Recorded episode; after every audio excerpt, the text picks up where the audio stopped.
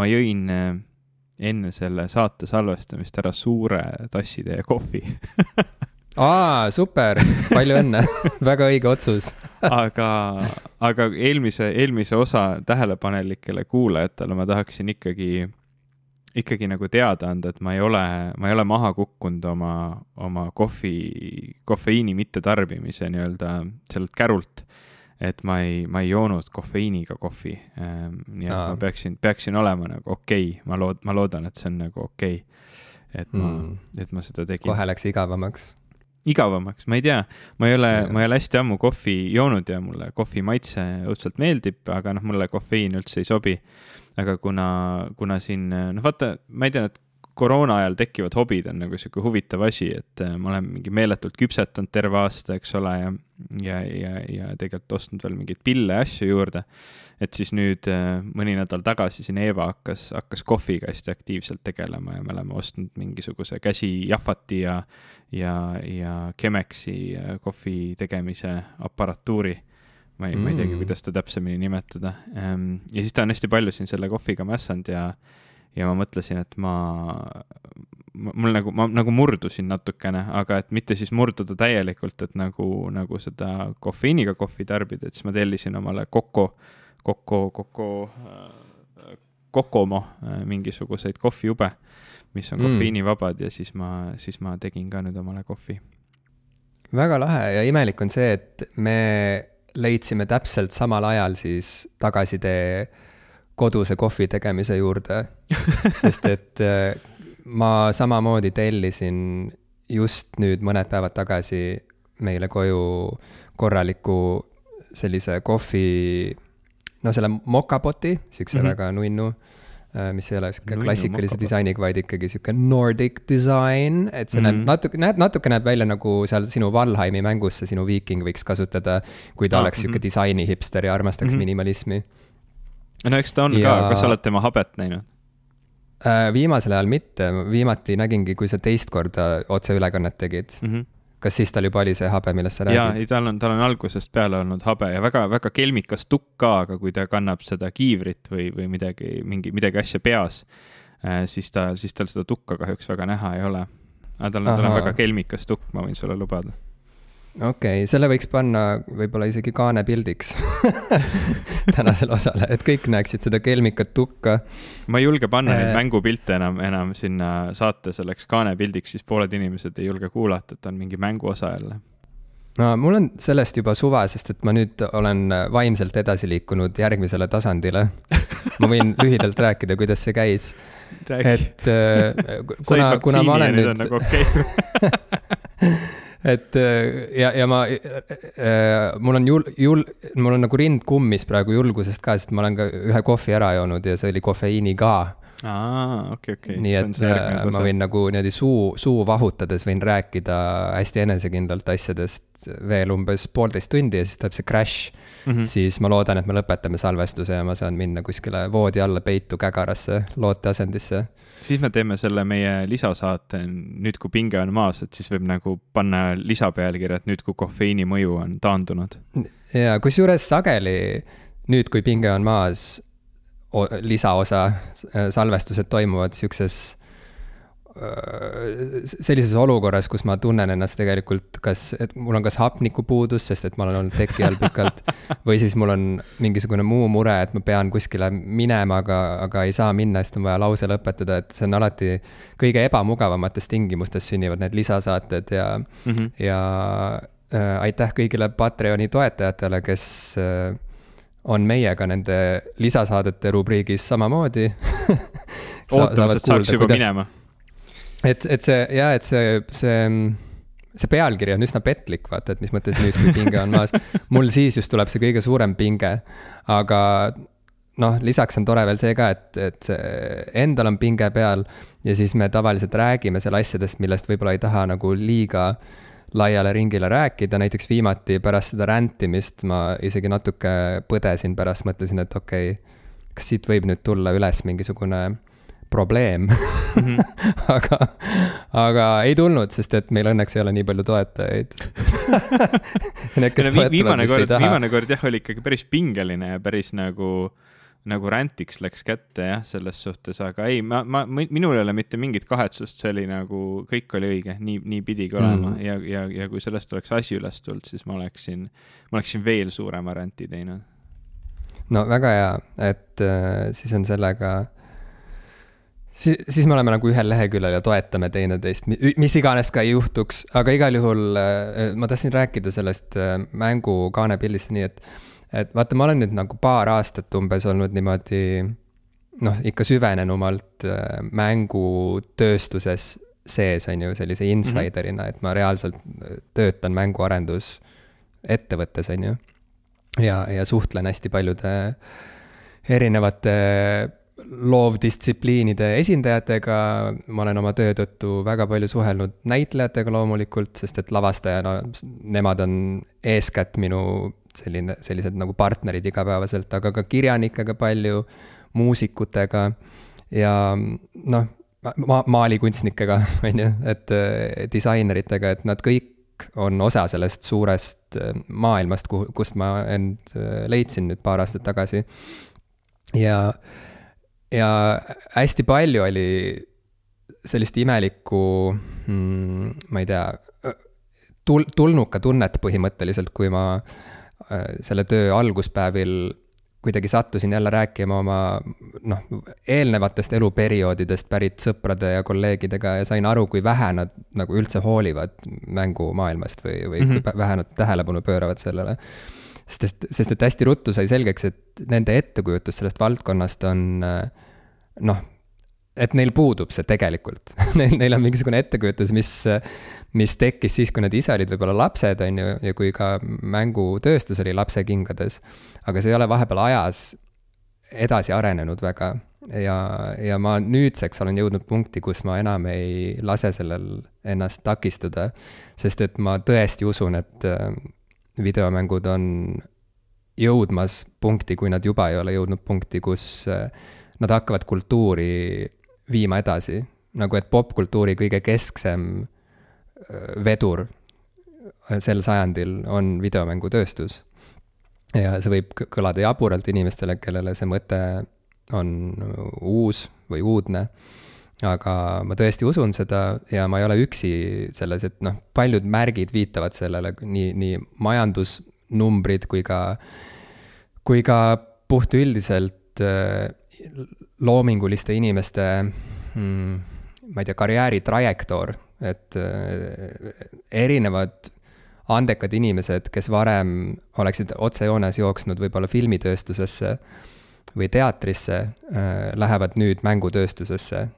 ja, ja see ongi just nimelt sellepärast, et see on jõudnud sellisesse küpsuse astmesse, kus saabki luua kõrgkvaliteetset kunsti ja täiesti uute väljendusvahenditega Äh, täiesti uuele, äh, täiesti uutele mastaapidele mõeldes, äh, vaadates siis nagu publiku numbrite peale ja nii edasi.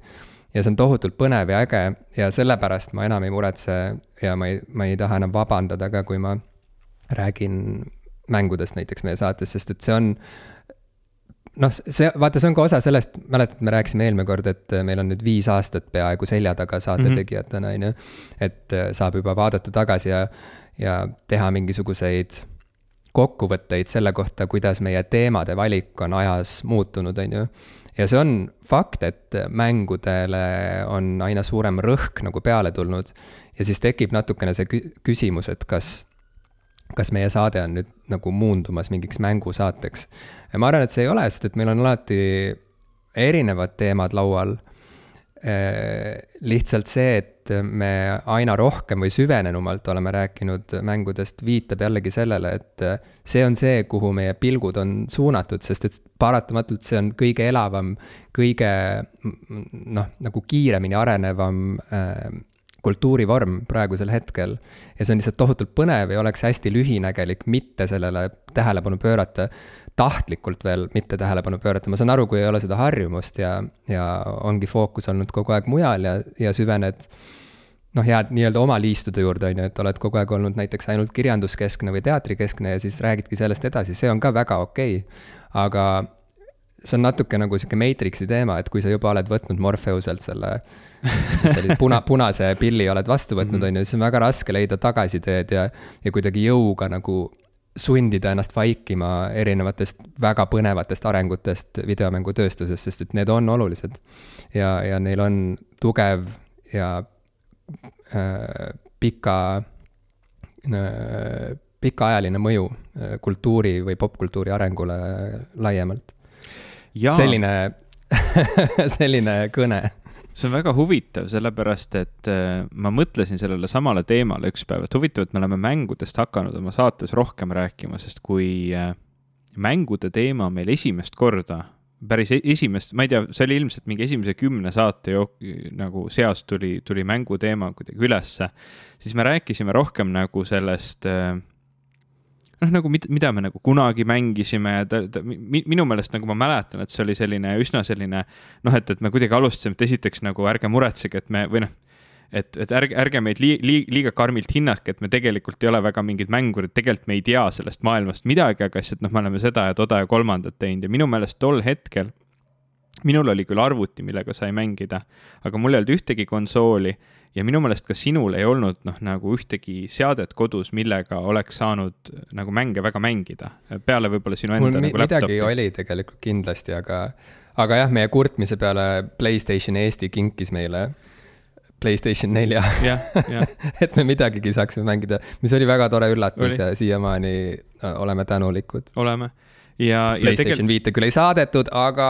no me virisesime no. selle disaini üle ka ikkagi omajagu palju aga, aga, aga mis, mis nagu, mis on huvitav, et selle aja jooksul ähm, ma veel, veel mitte öeldes, et mis on huvitav nüüd siit edasi, aga, aga ma mäletan tol hetkel meid üks hetk kutsuti veel puhata ja mängida saatesse külalise, külalisteks. kahjuks tol hetkel sina küll ei saanud minna, aga mina läksin ja nemad ka kuidagi nagu rääkisid, et oo, me kuulasime teie saadet ja seal te kuidagi nagu veel, veel noh, nagu vabandasite umbes, et ei tea mängudest väga palju, siis hakkasite rääkima ja tuli nagu üsna palju erinevat juttu ja, ja see on nagu muutunud selliseks, et tegelikult äh, meil mõlemal on mitu konsooli kodus, äh, me mõlemad tegeleme aktiivselt äh, mängimisega, sina oled täna, eks ole, mängustuudios tööl, tegeled mänguga tööalaselt igapäevaselt. Ja, ja see ongi nagu väga. ja sina oled Twitch'i, tõusev Twitch'i staar. Mina olen mängustriimer yeah. eks ole, et selles suhtes see nagu viie aastaga on üsna, üsna tõsiselt see muutunud ja, ja noh, isegi tegelikult ma võiks öelda, et viimane aastagi on päris, päris nagu suur muutus olnud ähm,. sellepärast, et see pandeemia osas, noh, mis sa teed, sa ei lähe ju kinno ja yeah., ja, ja, ja noh, mängud selles kontekstis, kus inimesed on rohkem kodused ja teisi nagu selliseid alternatiivseid vaba aja veetmise viise on, on, on ka vähem, noh, klubisse ei lähe, baari ei lähe äh,, igasugused hobid, mis, mis nõuavad teiste inimestega füüsilist kontakti või lähedast olekut, noh, nagu on ka piiratud või, või üldse nagu mingitel perioodidel keelatud olnud. ta on saavutanud vähemalt minu elus küll oluliselt äh, nagu sisukama rolli või, või tihedama rolli ja, ja, ja noh, jah, viis aastat ja mängud on olulisemad. on, on, nad on olulisemad kui kunagi varem ja, ja seal toimub rohkem kui kunagi varem.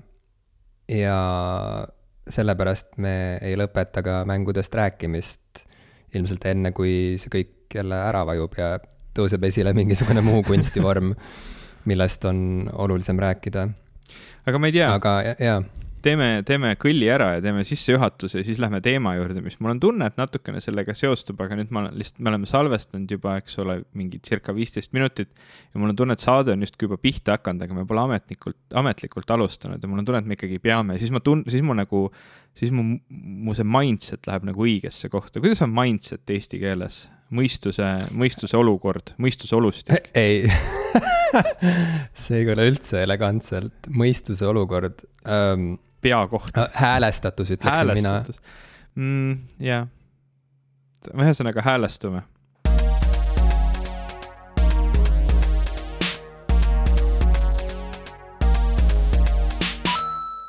tere, minu nimi on Ivo Krustak. tere, mina olen Jim Ashilevi. Ja te kuulate saadet. Popkulturistid. ma ei ma isegi ei tea, kas see tänapäeval enam on tõsi, viis aastat tagasi, viis aastat tagasi oleksin ma praegu täna siin pärast seda, seda sissejuhatust, mis me siin saate alguses te, te, te, tegime, teinud sellise nagu oma, oma arust hästi mm, osava lükke ja öelnud, et, et noh, nagu jõuda meie saate teemani, oleksin öelnud, et jah, noh, me rääkisime siin küll, eks ole, palju mängudest, ometi mul on niisugune tunne, et väga paljud inimesed arvavad, et mängud on ikkagi suhteliselt kasutud asjad. vaata, siis, siis me oleksime saanud minna, minna tänapäeva teema juurde, aga mul on tunne, et nüüd viis aastat hiljem ma ei saaks seda asja teha, sellepärast et mul on tunne, et see hulk inimesi kes arvab, et mängud on kasutud, on kuidagi kahanemas, et, et nagu paljudel, paljudel inimestel on täna kas läbi enda isikliku kogemuse või läbi oma lähedaste või pereliikmete kogemuse palju tihedam suhe. Ähm, noh, ütle, ütleme siis nagu antud kontekstis arvuti või videomängudega. Mm -hmm. aga see, see rikuks ära mu selle nii-öelda mõnusa ülemineku, äh, nii et ma ei teagi nüüd, mida teha. aga äh, noh, tee nii, nagu on mõnusam kuulata mõtle kuulaja peale. no okei okay., mõtlen ja. kuulaja peale. tee see mõnusaks, aga tee mm. niimoodi, et sul endal ka oleks mõnus. tead, ma olen vahel raamatuid ka lugenud lisaks sellele, et ma olen mänge mänginud. Ehm, ja, ja ma olen, ehm, ma lugesin siin, siin aasta alguses ja tegelikult juba, olgem ausad, eelmise aasta lõpus ehm, Barack Obama nüüd siis seda ma ei tea, uut või viimast või ähm, ühesõnaga tema viimast raamatut The Promised Land, äh, mis mm -hmm. tuli eelmise aasta, ma ei tea, minu arust oli kas näiteks novembris või millalgi välja ähm,. sellele tuleb ikkagi järg vist ka, ma olen aru saanud. jaa, see on ähm,, ei saa öelda, et see on tema autobiograafia esimene osa, see on tema nii-öelda presidendi autobiograafia esimene osa, sest ta on kirjutanud ka oma, oma varasemast elust nagu ja, ja, varasemalt raamatuid. aga see on siis tema, tema presidendiks saamisest ja siis esimestest aastatest presidendina USA-s ähm, ja see võttis mul meeletult kaua aega, et see läbi saada, sest see on küllaltki mahukas raamat ähm, ja, ja ma alustasin. kui sa ütled meeletult kaua, siis mida see sinu maailmas tähendab? neli kuud? okei. no mis, jah, noh, võib-olla kõige hullem ei olegi, oleks võinud veel kauem minna, aga, aga ühesõnaga, see oli väga hea raamat ja väga huvitav aga tänu sellele ma ei lubanud endale ühtegi uut raamatut nagu ette võtta, sest ma mõtlesin, et ma, ma loen selle, ma loen kõigepealt selle nii-öelda Obama raamatu läbi ja siis ma võtan ette nii-öelda sellise pika nimekirja, mis mul juba tekkinud oli. ja, ja selles nimekirjas, kui ma Belgiast ära kolisin, siis üks mu ähm,, üks mu sõber Piia kinkis mulle raamatu nimega Kasutu kasulikkusest ähm, see on autori poolt, kelle nimi on Nuccio Ordine, ma loodan, et ma hääldasin seda õigesti, Vikipeedia need hääle, hää-, hääldusjuhised on minu meelest suhteliselt arusaamatud, aga ma pakun, et ma, ma hääldasin nagu enam-vähem kuidagi loogiliselt ähm,. mis, mis maa autor ta on? Itaalia. ahah noh, kõlas natukene võib-olla Itaalia pärast, ei mm,? nojah, tagantjärele mõeldes okei okay., ta kinkis mulle, kinkis mulle raamatu nimega Kasutu kasulikkusest. Ehm, ja ma olen selle, selle lugemist põhimõtteliselt terve selle aja edasi lükanud, et see Obama raamat läbi saada ja nüüd ma sain selle läbi.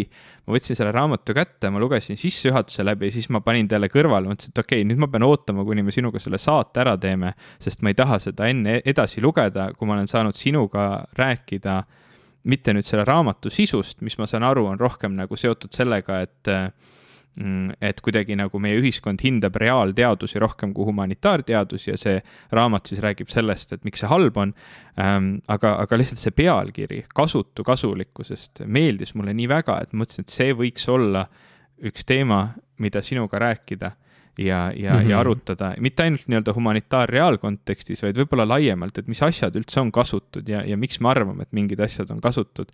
sest nagu meie see sissejuhatav ähm, osa sellest saatest, mis on nüüd juba circa kakskümmend minutit pikk äh,, on näidanud äh,, me tegelikult ju räägime sellest päris palju äh, ka varasematel teem-, noh nagu varasemates saadetes ja mujal, et, et noh, et, et mis on üldse nagu popkultuuri kasu ja, ja, ja kuidas me seda nagu hindame ja, ja, ja ja kuidas nagu väärtustada lihtsalt mingit kogemust versus midagi, mida sa saad käega katsuda või, või, või ma ei tea, miks me, miks me kulutame rohkem raha sellele, et osta kena mokapott, mitte lihtsalt random mokapott ja kas see on kuidagi nagu kasulikum või, või vähem kasulikum või kas il ilus asi, mis on vähese funktsiooniga, on kasutu võrreldes nagu koleda asjaga, mis on paljude funktsioonidega et mulle see, mhm. mulle see raamatu pealkiri nii kohutavalt meeldis, see pani mind mõtlema igasugustele asjadele, et ma, ma jällegi olen olukorras, kus ma ei luba endal lugeda, sellepärast et on mingi plokk ees ja ma mõtlesin, et täna, kui me salvestame, korjaks ka selle ploki eest ära, et ma selle kingitud raamatu lõpuks läbi saaks, et ma julgeks oma sõbraga taaskord rääkida,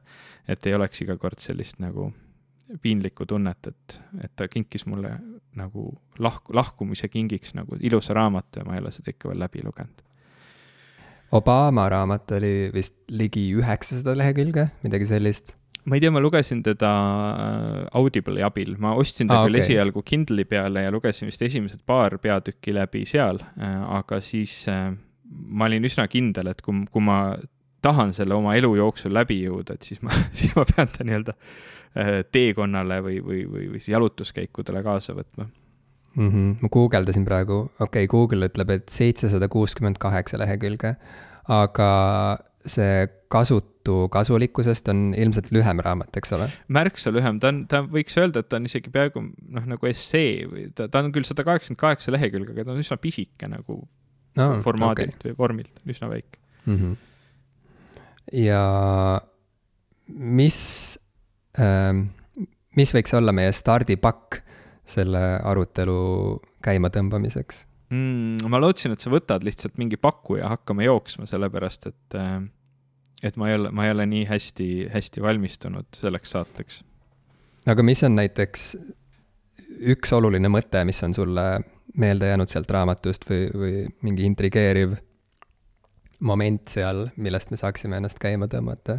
või see juba oligi, mida sa kirjeldasid niimoodi no see, see, see nii oligi, sellepärast et ma, ma ei tahaks ise nagu selles arutelus jääda nii kitsalt nagu humanitaar versus reaalteadused, sest noh, minu, minu enda nagu kontekstis ei ole mitte mingit küsimustki, et ma ei tea, humanitaarteadused, sotsiaalteadused, mis iganes, noh, igasugusel sellisel nii-öelda intellektuaalsel harjutusel on kasu ühiskonnale laiemalt ja, ja ma, ma kuidagi nagu tihtilugu ei saa nendest debattidest aru, et miks, miks kuidagi üks või teine, teine tegevus on, on kasulikum või, või mitte kasulikum ähm,. hoolimata sellest, et tegelikult ma ise olen nagu reaalteaduste taustaga ja olen harjunud olema võib-olla natukene sellises maailmas, kus, kus vaadatakse nagu äh, viltu sellele, et noh, et, et me siin ikka nagu päriselt nii-öelda murrame lahti eh, teadmisi universumi, elu ja, ja, ja kõige kohta. et siin teised, eks ole, kirjutavad luuletusi ilusaid, eks ole, et noh, see, et mm -hmm. kuidagi, kuidagi seal nagu vahe, vahel selliselt vähemalt ajaloolisest perspektiivist on sihuke, sihuke tunnetus küll. aga, aga kuna ma ise lähtusin ka reaalteaduste eh, töös sellest, et ma tegelikult ei taha teha midagi otseselt jutumärkides kasulikku, vaid ma lihtsalt tahan teada saada huvitavaid asju maailma kohta, et minu jaoks nagu selle töö tulem ei olnudki niivõrd tähtis, kui lihtsalt see nagu protsess, et ma et ma saan teada midagi uut maailma kohta, siis mul mm, -hmm. mul kuidagi ei tekkinud kunagi sellist, äh, sellist mõtet pähe, et miski, miski nagu teadmiste loome võib olla tähtsam, kasulikum või mõistlikum kui, kui mingi teine. Et noh, kui puhtalt, ma ei tea, raha peale mõelda, siis jah, kindlasti on, on distsipliine ja uurimusi, eh, mis, mis loovad suurt rikkust, eh, näiteks rahalist rikkust maailma, aga, aga see kuidagi noh, mul, mul endal ei ole, ei ole mm, väga, väga oluline kunagi olnud mm. -hmm. jaa, ma omalt poolt oskan niimoodi alustuseks reageerida, et eh, kui sa küsid mis on minu suhtumine sellesse väitesse üldse, et kasutu võib olla kasulik või noh, see ei olnud see, mida sa täpselt küsisid, aga. ma ei küsinud üldse midagi sealt saab, sealt saab tuletada mingit sedasorti küsimust, siis ma kõigepealt tahaksin panna paika mingisugused mängureeglid või mingid parameetrid selle arutelu mm, läbiviimiseks üldse. ja alustuseks. issand, me oleme jälle mingi teises või kolmandas saates tagasi, kus sa ka alustasid sellega, et me peame parameetrid paika panema. või see olin mina, ma ei mäleta. ma ei tea, mul on, mul on sihuke tunne, nagu ma oleks esimest korda elus niimoodi öelnud. aga sellepärast ma ka puterdasin nii palju, sest et ma ei ole harjunud ütlema selliseid sõnu. aga põhimõtteliselt minu meelest tuleb alustuseks küsida, et et mis, mis see eesmärk siis on meil ühiskonnana või, või inimkonnana mm. -hmm mida me kõige rohkem väärtustame ja, ja mis suunas me tegutseme igapäevaselt. ja noh, võib ju öelda hästi lihtsalt, et me elame, ma ei tea, vabas demokraatlikus kapitalistlikus maailmas, siin oma maailmajaos ja kultuuriruumis, kus peamine edu mm, tähistaja on raha, äh, suur hulk raha, võimalikult suur hulk raha. ja see on eriti viimastel kümnenditel pannud inimesi väga palju mõtlema selle peale, et mis on üldse kapitalismi piirid või kas, kas kapitalismil üldse on piire, eks ole. Et kas kõige tähtsam on ikkagi võimalikult suur kasum või on meil tegelikult vaja mingisuguseid veel suuremaid suunavaid väärtusi, mis aitavad kapitalismi natukene piirata ja, ja ohjes hoida. et me ennast täiesti ära ei hävitaks selles tohutus raha näljas. ja, ja ennast me ju hävitaksime eeskätt seeläbi, et me hävitame kõigepealt ära keskkonna, milles me elame ja siis see keskkond ei saa enam meie olemasolu võimaldada meile ja siis me sureme välja, on ju.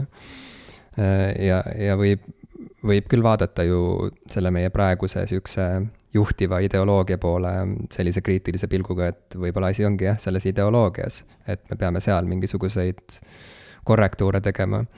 Aga mulle tundub jah, et noh, kapitalistlikus maailmas on väga raske väärtustada nii-öelda kasutuid tegevusi või kasutuid asju.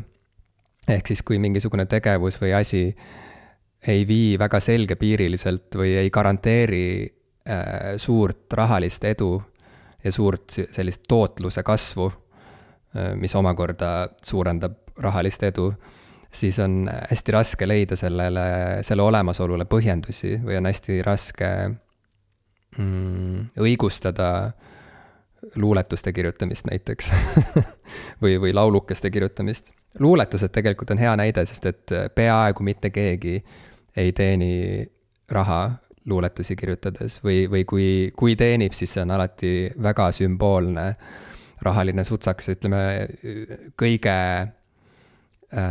ekstreemsemal juhul võib kellestki luuletajast saada keegi nagu näiteks äh, on hetkel äh, Amanda Gorman, on tema perekonnanimi vist või mm? -hmm Äh, kes äh, näiteks USA-s nüüd Joe Bideni mm, ametisse vannutamise tseremoonial astus üles luuletusega, mis paljusid inimesi väga liigutas ja kui ma ütlen paljusid, siis see tähendab reaalselt kümneid, võib-olla sadu miljoneid inimesi Glo. globaalselt ikka, eks ole mm. -hmm. globaalselt jah, ja, ja tema on siis võib-olla hetkel ma ei tea, kõige paremini teeniv luuletaja maailmas, aga noh, selliseid inimesi saabki korraga olla reaalselt umbes üks kogu maailmas. et äh, tänu sellele suurele tähelepanule, mida ta ju igati välja teenitult äh, seal tseremoonial pälvis, on tal nüüd erinevad sellised äh, lepingud tehtud kirjastustega, ta kas juba andis välja või, või kohe annab välja oma äh, selle presidendi tseremoonia luuletuse kui ka oma muud luuletused ja, ja, ja tema puhul võib tõesti uskuda, et kirjastus teenib, et kirjastus saab rikkaks ühesõnaga tänu sellele, et nad nüüd saavad avaldada just selle poeedi teoseid, aga see on ka midagi sellist, mis noh, kestab natukene aega ja siis see ilmselt noh, vajub ära, on ju, et see ei, see ei tundu olevat midagi sellist nagu iPhone. ehk siis, et iPhone'i sa saad müüa iga aasta uuesti aina kallima hinna eest ja, ja, ja paradoksaalselt aina rohkematele inimestele. Aga, aga luulekogusid eriti mitte, et korraks inimesed ostavad endale need selles suures, ma ei tea, muutuste tuuleõhinas ja selleks, et kuidagi võtta endale koju tükike sellest muutuste ma ei tea, sellest murrangu hetkest, on ju, kui, kui tuli, tuli siis ametisse keegi uus, kes lubas, lubas meile uut, uut äh, poliitika, uut poliitilist kliimat ja ma ei tea, uut lootust ja, ja uut mida kõik, on ju. aga et see ei jää kestma selles mõttes, et, et me võib-olla mõne kuu pärast enam ei taha osta luuleraamatuid um, nii et kas kasutu saab olla kasulik või kuidas üldse aru saada äh, kui kaugele saab minna oma kasutute tegevustega, kui endal on sellesse, nendesse tegevustesse usku, aga teistel ei ole. ma arvan, et see on iga, ma ei tea, iga tõsise loominguga tegeleva inimese selline igapäevane küsimus tegelikult ja, ja see tekitab palju mm, eksistentsiaalseid kriise ja, ja, ja see murrab inimesi ka tegelikult ikka väga kergelt. Äh, sest meil on, ma arvan, et maailmas on ühesõnaga kõik, kõik, kõik, äh, kõik suured meistriteosed nii kirjanduses kui ka filmis kui ka muusikas on tegelikult jäänud tegemata, ma arvan. sest et äh, suurem osa nendest fantastilistest ideedest jäävadki realiseerimata nagu praktilistel kaalutlustel sest et inimestel on vaja oma pere eest hoolt kanda, on vaja maksta üüri, on vaja viia auto parandusse ja selleks, et see kõik oleks võimalik, on vaja teha tööd, mis tagab stabiilse sissetuleku. ja, ja kui teha sellist tööd, siis on harva tegelikult aega ja energiat, et pühenduda tõsisemalt oma loomingulistele projektidele, ehk siis sellele kasutule tegevusele, nii et ma arvan, et, et need teosed, mis meil on maailmas olemas, need, need vägevad kirjandusteosed ja videomängud ja, ja filmid ja lavastused, need on see üks pisikene kaduv väike protsent sellest kõigest, mis muidu oleks võinud olla üldse mõeldav. ja see ei tähenda seda, et see, mis on olemas, on kuidagi väärtusetu või, või, või vähem äge. Äh, et vastupidi, see, noh, meil on äärmiselt palju erakordseid suuri maailma imetasemel suurteoseid erinevates loominguvaldkondades ja, ja me saame neid nautida veel ka tuhandeid aastaid hiljem ja nii edasi.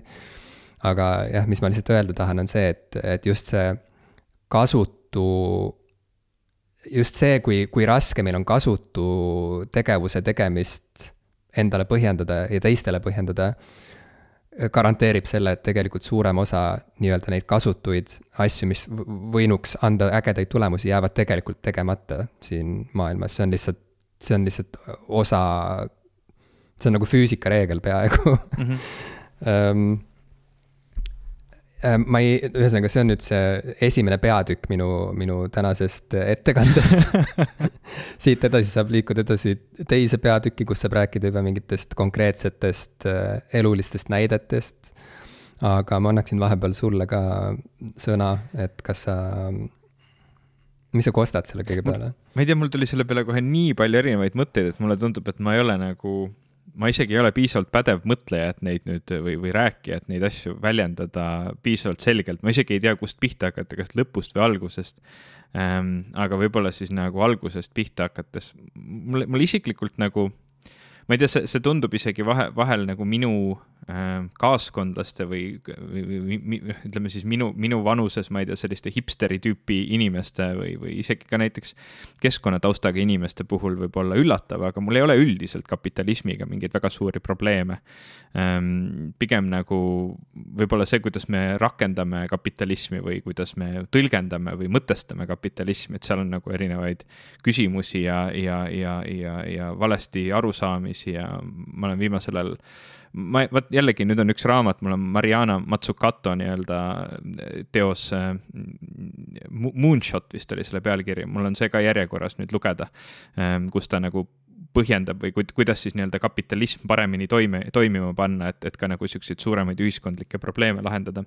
et mul nagu selles suhtes probleemi ei ole, mul on ka tunne, et nagu kogu see pool sellest, et kas nüüd kunst äh, kui, kui palju on siis nagu selline loometegevus ja, ja selline ähm, jutumärkides siis nii-öelda rahalist kasu mitte teeniv või, või vähe teeniv tegevus nagu piiratud või, või, või mitte võimaldatud kapitalismis versus nagu mõni teine Äh, majandusmudel või, või ühiskonnamudel, et mul, mulle nagu tundub, et seal ei olegi tegelikult mingit erilist piirangut ja seal ei ole tegelikult üldsegi probleemi. Äh, seda on kindlasti nüüd äh, eriti nõme kuulata kellelgi, kes näiteks üritabki, kelle, kelle hingesoov on näiteks olla luuletaja ja sellega ennast ära elatada ja siis ta kuulab nüüd, kuidas mingi priviligeeritud noor härra siin istub ja seletab, kuidas see ei ole, probleemi ei eksisteeri.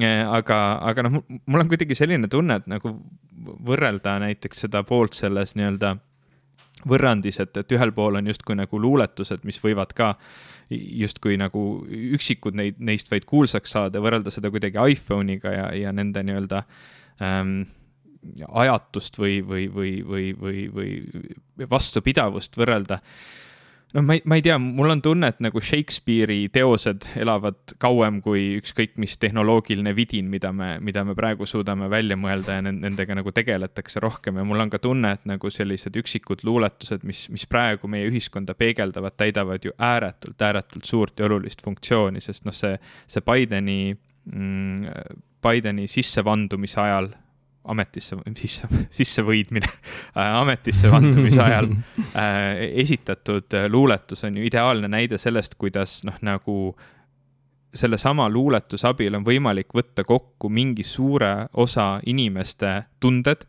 nende, nende mõtted, nende, nende nii-öelda selline äng ja nende rõõm ja õnn ja, ja seda jagada kuidagi viisil, mis hästi paljusid kõnetab. Ja, ja noh, me näeme seda ju pidevalt sihukestes olulistes kõnedes, ma ei tea, minu meelest president oma, ma ei tea, aastapäeva kõnes ikka ja jälle äh, tsiteerib mingeid luuletusi, mis, mis suudavad nagu kuidagi väga hästi kokku võtta seda vaimu.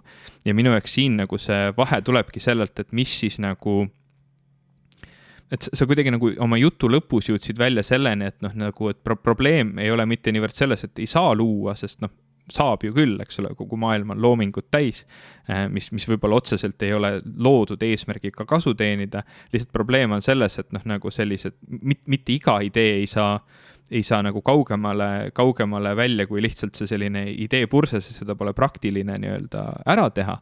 aga mm., aga mul on tunne, et, et nii-öelda meie ühiskond esiteks on, on liikunud selle nii-öelda suurema ühendat-, tehtavusega, mida näiteks internet on meile pakkunud, selle poole, et järjest rohkem ideid on tehtavad, sellepärast et kui varem sa pidid, eks ole, oma äh, lähikondlaste seas leidma kaasmõtlejaid või oma riigis või, või, või kus iganes nagu oma keeleruumis leida neid, neid kaasmõtlejaid, siis nüüd täna sa saad rääkida globaalse ähm,, globaalse Äh, publikumiga ja kui kogu maailmas ongi võib-olla ainult kümme tuhat inimest, keda see teema võiks huvitada, siis, siis nüüd sa põhimõtteliselt oled võimeline need kümme tuhat inimest üles leidma ja sul on päris suur, eks ole, audients võrreldes, võrreldes varasemaga.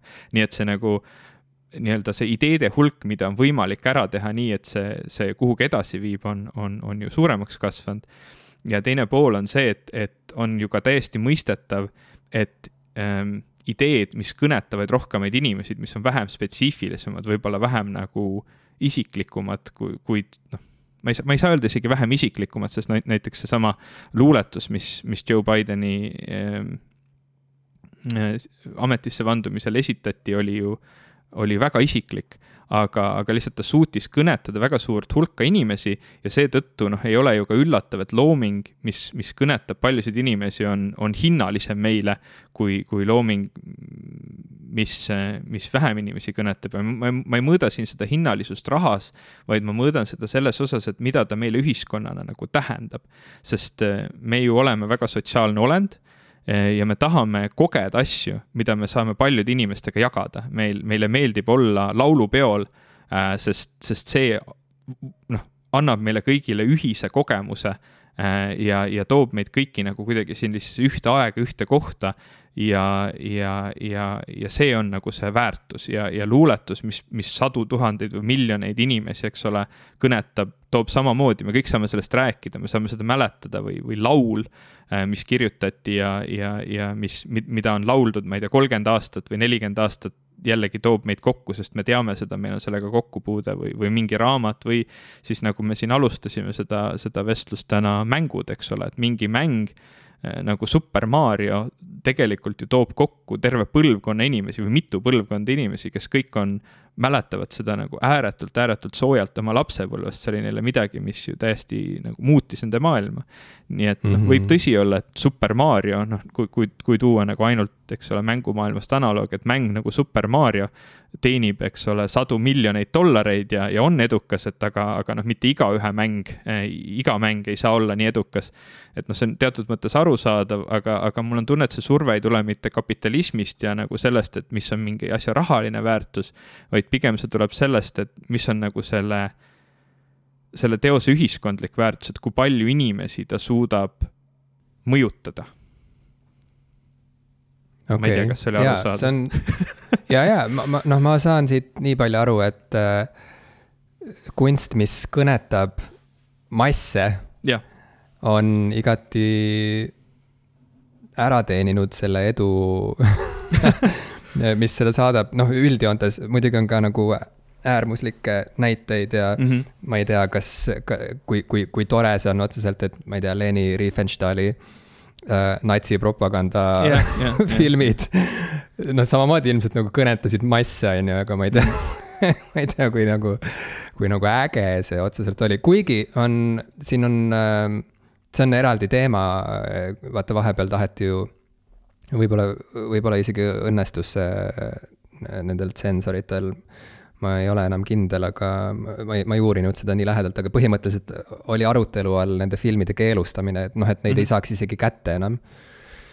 Äh, ja, ja see oli hea arutelu selles mõttes, et mina ka arvan, et kindlasti ei tohiks keelustada ligipääsu sellistele materjalidele, sest et jällegi filmi, filmi ajaloo seisukohast ja, ja, ja, ja kasvõi selle, ma ei tea, filmi tehnilise ajaloo seisukohast on ikkagi sellised materjalid üliolulised, need, need on ka omamoodi teetähised ja äh, ma arvan, et intelligentne inimene peab olema suuteline mõtlema korraga erinevatel tasanditel või siis hoidma, võtma arvesse vastukäivaid ähm, ma ei tea, tegureid või, või vastukäivaid mm tähendusi mm -hmm. ja, ja, ja saama aru, et mingi asi saab olla korraga äh, nii vale kui ka õige.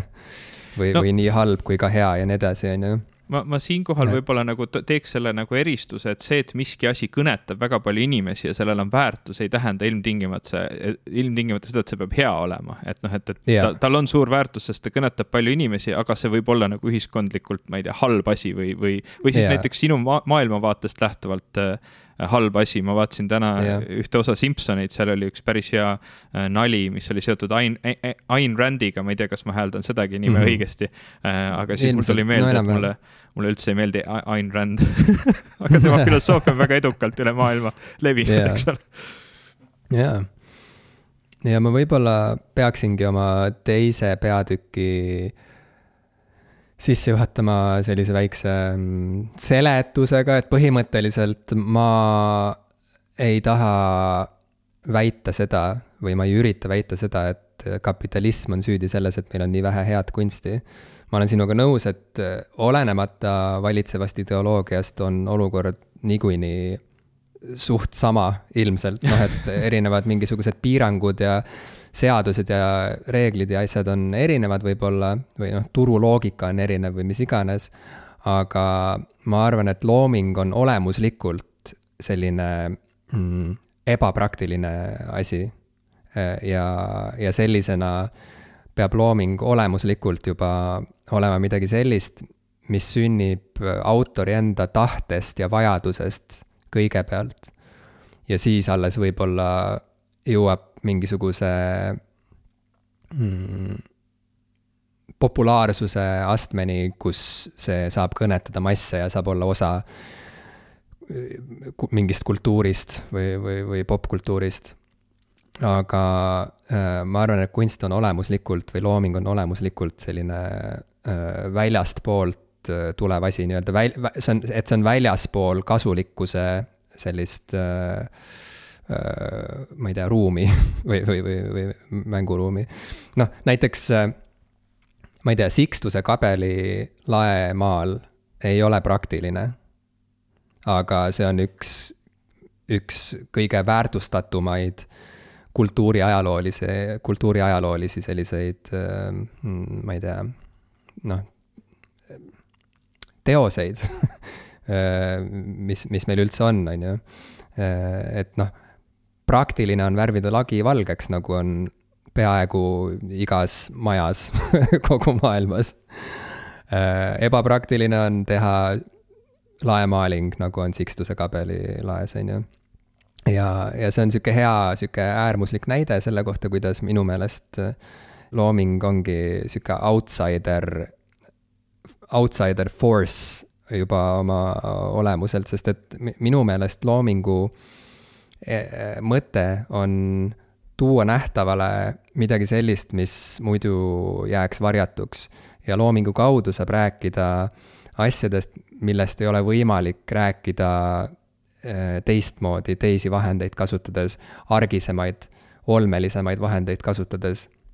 ehk siis asjad, mida me ei saa välja öelda omavahelises vestluses, asjad, mida me ei saa välja öelda, ma ei tea, mingis intervjuu saates, asjad, mida me ei saa väljendada, äh, ma ei tea, lihtsalt kellegi jutule minnes, leiavad väljundi loomingu kaudu harilikult. Ja see tuletab mulle meelde ühte, ühte hiljutist intervjuud Chuck Palahnikiga ka, ta oli ühes õuduskirjanduse podcast'is külaline hiljuti ja, ja seal ta jälle noh, kirjeldas oma vaadet loomingu funktsioonile või mõttele.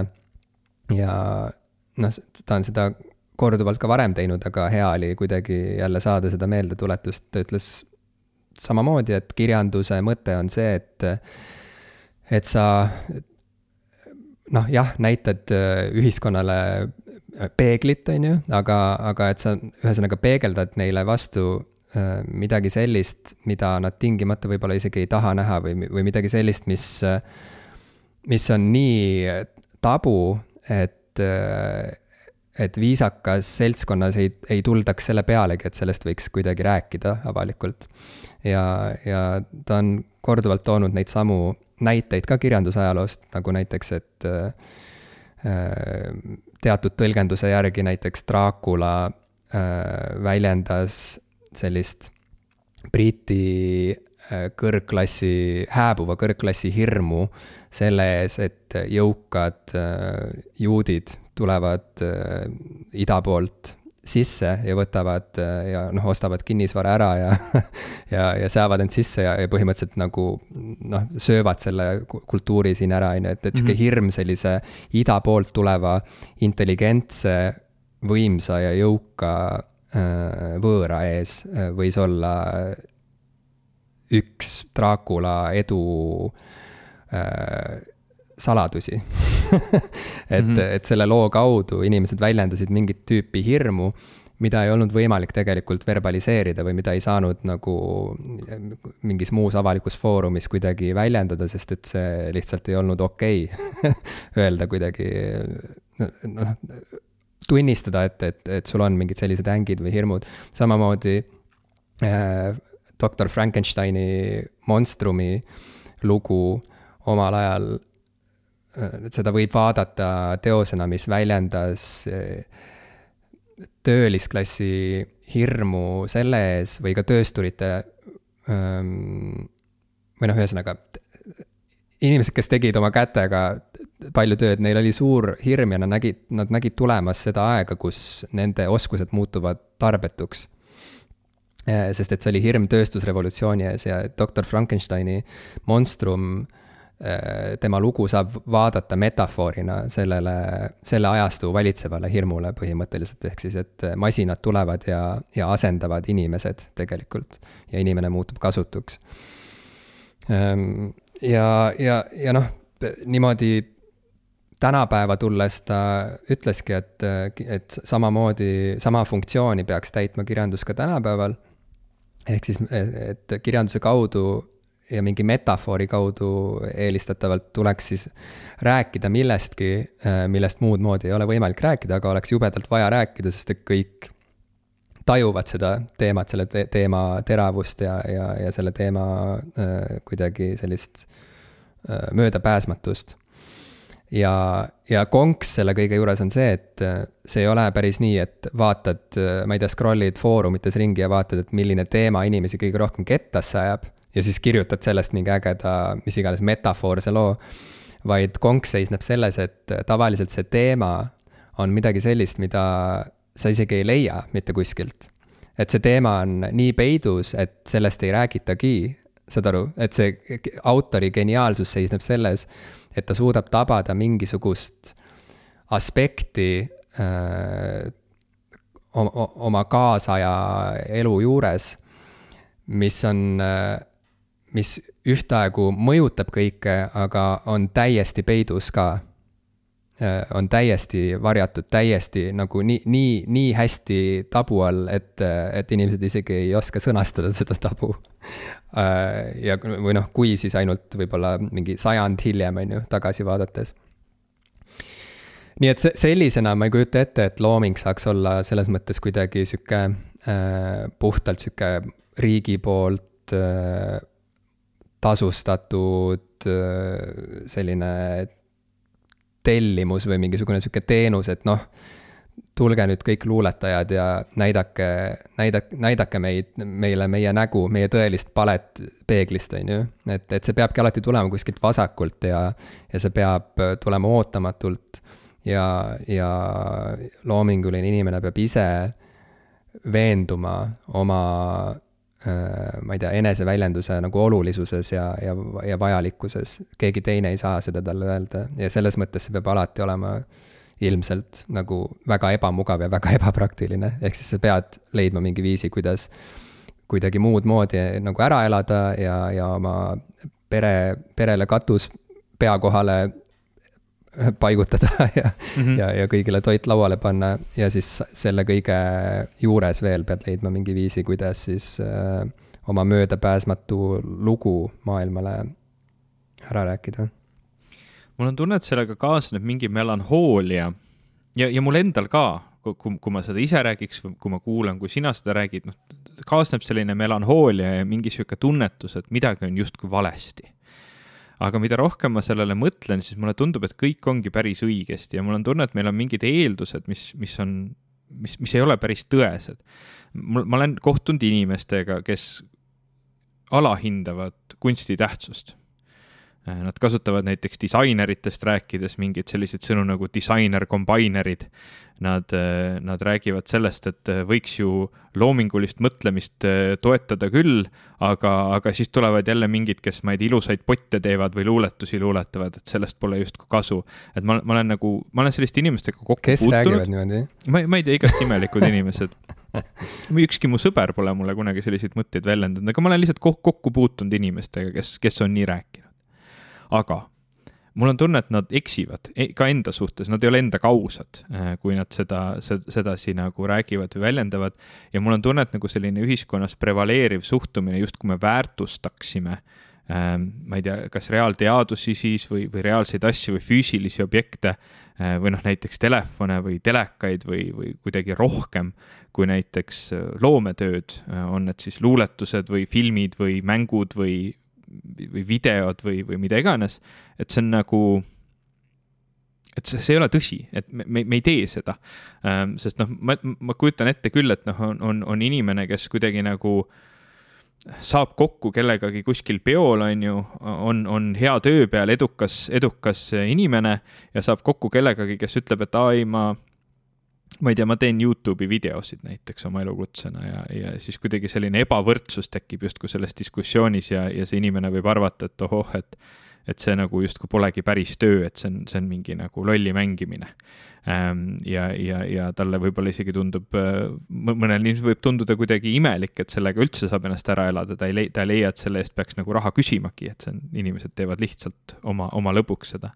aga ometi enamus meist ju käib ja vaatab neid videosid ja, ja saab nendest väga palju, eks ole, väärtust, isegi nii palju väärtust, ma ütleks, et ilma, ilma nende videodeta, ilma nende filmideta, ilma nende fotodeta, ilma selle sisuta oleks meie need nutitelefonid ja telekad täiesti kasutud, sellepärast et see, see, see, milleks me neid tänapäeval ostame, ongi nagu kaks poolt selleks, et ise luua midagi, noh näiteks pilte ja neid, neid maailmaga jagada ja selleks, et tarbida seda, mida teised on loonud, äh, sest noh, üldiselt ega me nendega ju väga palju muud ei tee ähm, ja, ja, ja, ja ma arvan, et me väärtustame seda, seda sisu või noh, neid seadmeid ainult tänu sellele sisule, mis seal on. ja kui seda sisu ei oleks, noh, ma ütlen, see, see, see lihtsalt tundub mulle endaga mitte aus olemine, kui, kui, kui, kui ma mõtleks, et oo, et, et see telefon on nagu kuidagi väärtuslikum kui mingi teine. Äh, kui, kui mingi lihtsalt nagu, ma ei tea, luuletus või, või, või film või, või, või foto või mida iganes. küll aga on siin selline nii-öelda ebavõrdsus lihtsalt puhtalt nagu asjade tootmises ja, ja kättesaamises ähm, me, me oleme nagu järjest liikunud kogu aeg sinnapoole, et äh, et nii-öelda loometegevusega tegelemine oleks nagu kättesaadavam ja, ja odavam kõigile. ja tegelikult, kui me päris ausad oleme, siis me oleme liikunud ka ju, ju järjest selle poole, et, et asjade tootmine, noh näiteks telefonide või telekate tootmine oleks, oleks odavam ja kättesaadavam äh, rohkematele inimestele, aga ega need nagu käärid seal väga, väga kokku ei tule selles osas, et noh, lõpptulemusena sina isiklikult kodus istudes võid küll kirjutada raamatu ma tean, sa oled seda teinud isegi mitu tükki kohe, eks ole, sa võid filmida filmi, eh, mida kogu maailm näeb, eh, kui see väga edukalt läheb, sa võid teha foto, mis, mis saavutab ülemaailmse kuulsuse, sa võid kirjutada laulu või, või teha Youtube'i video, mida sa või, või näiteks jah, pidada Youtube'i kanalit, mida vaatavad miljonid inimesed üle maailma ja mis suudab sind ära elatada, aga väga ebatõenäoline on, et sa toodad telekaid oma kodust, mida, mida inimesed saavad, eks ole -hmm., tarbida ja noh, see, see, seetõttu lihtsalt tekibki nagu selline täiesti loomulik loomulik vahe selle vahel, et ühte asja nagu peab ostma poest ja ta on kallim ja teise eest sa nagu nii palju raha ei taha maksta, kuigi tegelikult ühiskondlikus mõttes me võime väärtustada mitterahaliselt, eks ole, rohkem tegelikult seda sisu isegi kui seda, mille seest see sisu tuleb. et mul, mul on tunne, et need on nagu mingid sellised asjad, mida me kipume peas hoidma, justkui nagu on normaalne või, või, või mingi prevaleeriv arvamus, et et see telefon on, eks ole, kallis asi, ta rahaliselt on kallim, me hindame seda rohkem, et, et see, need mingid nagu kogu see sisuline pool, see loometegevus, et tegelikult see, see pole nii väärtuslik. küsimus on suuresti lihtsalt sellele, et mis asi on võib-olla lihtsalt prevalentsem, mida, mida on lihtsam saada, mida võivad rohkemad teha, mille osas on ideest nii-öelda tulemuseni äh, lühem aeg ja, ja seetõttu lihtsalt äh, lihtsalt nii ongi loomulik, see kuidagi ei, ei, ei, ei määra seda nii-öelda äh, väärtust ära ja, ja me ise kuidagi oleme harjunud väga palju mõtlema väärtusest kui, kui rahalisest nagu hinnast. Ähm, ja, ja, ja, ja staatusest, aga noh, ma ei tea. Äh, mul on tunne, et see on nagu selline võlts asi, mida me oma peas lo loome, mingi ettekujutus, mis tegelikult ei ole kunagi nagu eksisteerinud. aga noh, võib-olla mm. ma eksin, võib-olla, võib-olla on no jah, ikkagi, see... ikkagi mure ja seda ma näen näiteks äh, ühe ähm, sellise, mm, see on üks, üks hea näide sellest, kuidas kapitalism on kohati noh, mürgine põhimõtteliselt äh, meie väärtushinnangutele. Ja ma ka ei ole nagu selles mõttes mingisugune nagu antikapitalist ja mul ei ole tingimata välja pakkuda mingit paremat ideoloogiat või programmi äh, mistõttu ma ka ütlesin, et et kapitalism kui selline nõuab korrektuure. Äh, ja ma ei öelnud seda, et, et me peame selle kuidagi radikaalselt, ma ei tea, lõpetama ära ja asendama siis mingisuguse uue programmiga, mis mul on siin ilusti välja töötatud. mingid Fight Clubi noodid tulevad läbi et noh ähm, ei, täna ma Fight Clubist ei, ma, ma sinna tunnelisse ei kao praegu, aga Polegi ammu rääkinud, vaata. ja, ja, ja. aga ma tahtsin veel võib-olla viimase asjana omalt poolt, võib-olla jah, kolmas ja viimane peatükk minu poolt äh, sisaldaks siis ähm,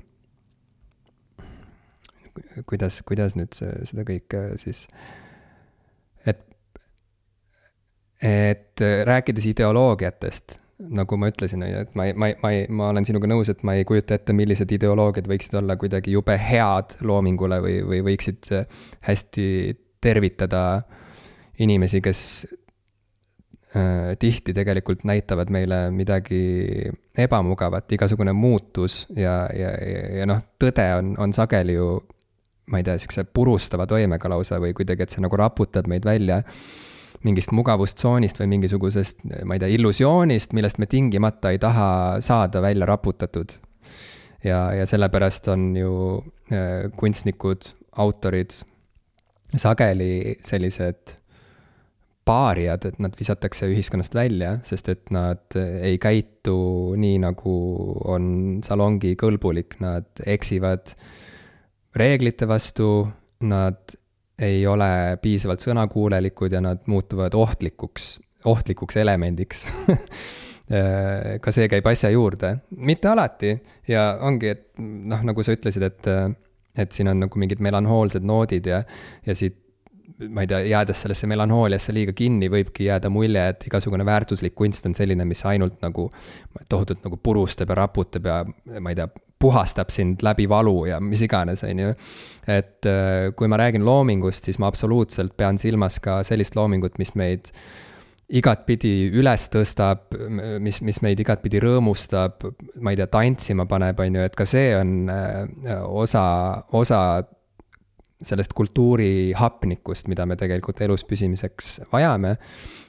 ja, ja, ja paljuski on just nimelt see pool kunstist või loomingust see, mis toob inimesi staadionitele kokku.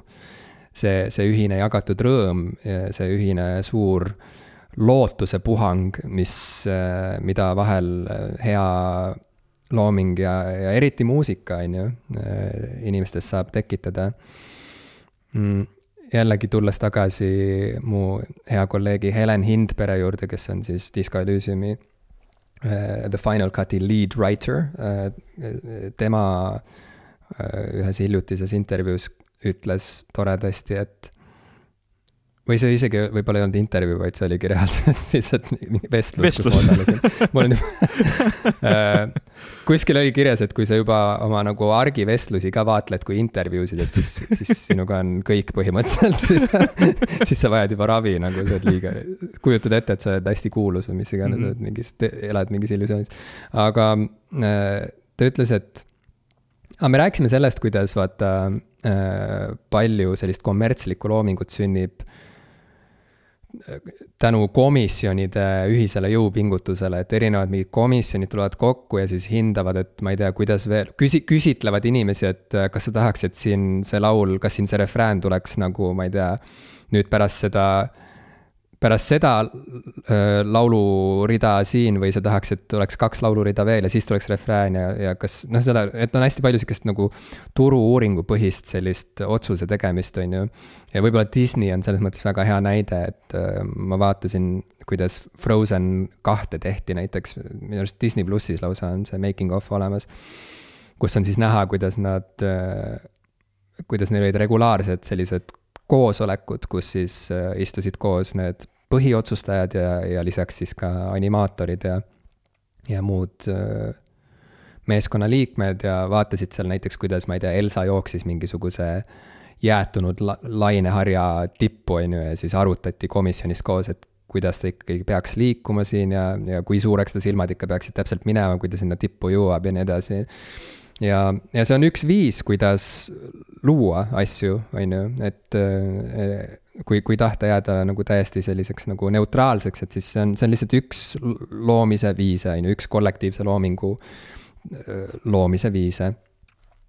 aga see selles mõttes nagu on petlik, et ega, ega selline turu-uuringupõhine looming, kuigi seal saab panna ka täppi ja, ja saabki luua täielikke kassahitte, mis toovad sisse nagu sadu miljoneid, on ju, üle maailma ja, ja, ja stuudiod rikastuvad tohutult ja saavad iseendale õlale patsutada, et oh jah, me, et väga hea, et me, me tajume nii hästi seda, mida turg nagu vajab, on ju. ja oskame nii hästi teha selliseid kultuuritooteid, mis, mis kohe kindlasti lihtsalt teenivad kasumit aga see on petlik selles mõttes, et ega tegelikult kokkuvõttes, nagu Helen ütles, inimene ei tea, mida ta tahab ja, ja see ongi kogu selle müsteeriumi iva et nii palju, kui me ka ei tahaks ennast lasta petta turu-uuringutest ja trendidest, siis see, mis tegelikult kultuuri edasi viib ja mis tegelikult uusi trende käima lükkab, on alati miski, mida me või vähemalt nagu kriitiline mass, ma ei tea, tarbijaskonnast või publikust ei näinud tulemas. ja mida kriitiline mass, äh, ma ei tea, produtsentidest ei, ei, ei näinud tulemas. ja, ja sellepärast käib ju see liikumine alati niimoodi, et, et mainstream kultuur käib kogu aeg endasse neelamas äh, avangardkultuuri. ehk siis, et see, mis ühel hetkel on hästi punk, näiteks kasvõi punk ise, on ju see, see neelatakse massikultuuri poolt alla ja pakendatakse ära ja, ja saadetakse tootmisliinile kohe, kui on see retsept nagu enda jaoks kuidagi arusaadavaks tehtud ja, ja, ja kui see on muudetud selliseks, et seda saab nagu taastoota. nii et äh, enam ei ole võimalik olla punkar ja kujutada ette, et sa oled nagu, või noh, juba ammu ei ole võimalik olla nagu punkar ja kujutada ette, et sa oled täielik outsider, sest sest et punkesteetika on juba ammu osa sellisest nagu mainstream moest, on ju, samamoodi ju läks krungega sealt edasi, on ju. Mille ülim tõestus on see, et äh, teismelised ostavad H&M-ist endale Nirvana T-särke, olemata tingimata isegi kunagi kuulnud Nirvana muusikat, see on lihtsalt mingisugune logo. see on osa, see on lihtsalt mingi emotikon, mis on nagu sageli mingisuguse särgi peal, on ju, see, see keel suust väljas lainelise suuga Nirvana lõust vaata, siin on üks, üks hea tsitaat ja, ja nüüd on hästi keeruline hetk, kus äh, siuksed head tsitaadid kipuvad vahetama autoreid, sellepärast et ma tegelikult ei tea, kes see seda ütles, aga mul on tunne kuskil pea tagaotsas, et seda, selle, sellest rääkis Frank Zappa ähm,. lihtsalt sellega, kuidas see avangardlik kultuur nagu äh, sööb, sööb sisse ja, ja, ja, ja muutub ja kuidas meie nagu arusaam, arusaam nii-öelda sellest, mis, mis on ja ei ole hea või, või praegu, praeguse nii-öelda ajastu hõng eh, on, on nii-öelda kontrollitud või, või, või kuidas selle kontrolliga võib vahel halvasti minna, et ta rääkis sellest kuidagi, et kui, kui muusikastuudiod, ma arvan, et see oli Frank Zappa, ma ei tea,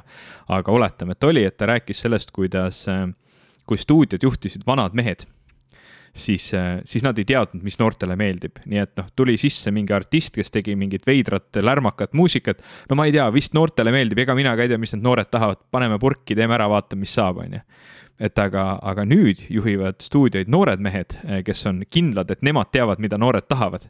Eh, ja, ja kuna see, mis, mida nii-öelda jutumärkides noored tahavad, on pidevalt muutuv, eks ole, siis, siis nende see enesekindlus on tegelikult see, mis neid petab, et noh, nagu yeah., nagu, nagu nad tegelikult ei ole enam kursis sellega, aga nad, nad, nemad arvavad, nemad on kindlad, et nemad tegelikult teavad, sest nemad on noored ja, ja, ja seotud selle maailmaga.